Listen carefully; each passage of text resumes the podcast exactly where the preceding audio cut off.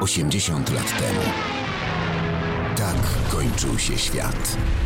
3 września 1939.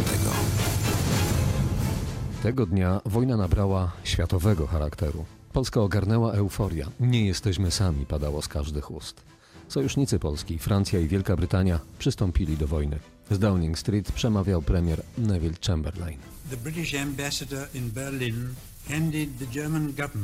Rano ambasador brytyjski w Berlinie wręczył rządowi niemieckiemu ultimatum.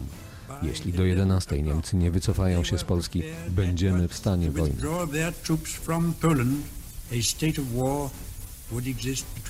Dziś wiemy, że za brytyjskim i francuskim ultimatum nie poszły żadne znaczące działania, na co Hitler liczył od początku.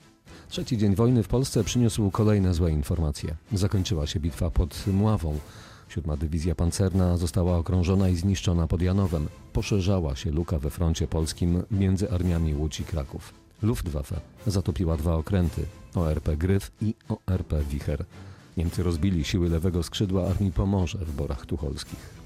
Hitlerowskie wojska zajęły Częstochowę i Radomsko. Trwały decydujące walki o Katowice.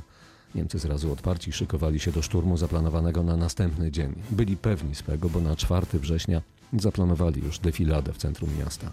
Ich atak wspierali dywersanci wyszkoleni wcześniej na Dolnym Śląsku, podkreśla historyk dr Ryszard Majewski. Do organizacji tej włączali zbiegów z Polski pochodzenia niemieckiego. Zbiegów tych grupowano w całym szeregu obozów, między innymi w Kłodzku, w Oleśnicy, w Namysłowie.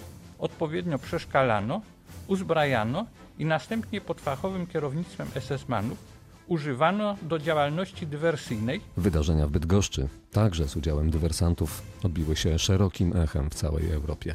W mieście doszło do walki jednostek polskich z proniemieckimi mieszkańcami. Reżyser Aleksander Ścibor-Rylski, urodzony w Świeciu 3 września, był pod Bydgoszczą.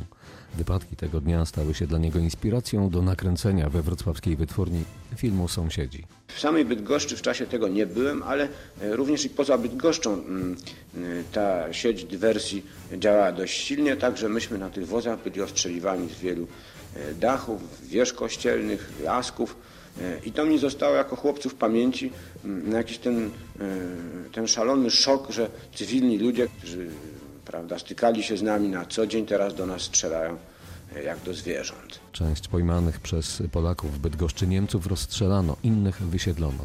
Propaganda niemiecka nadała tym wydarzeniom nazwę Blutsonntag.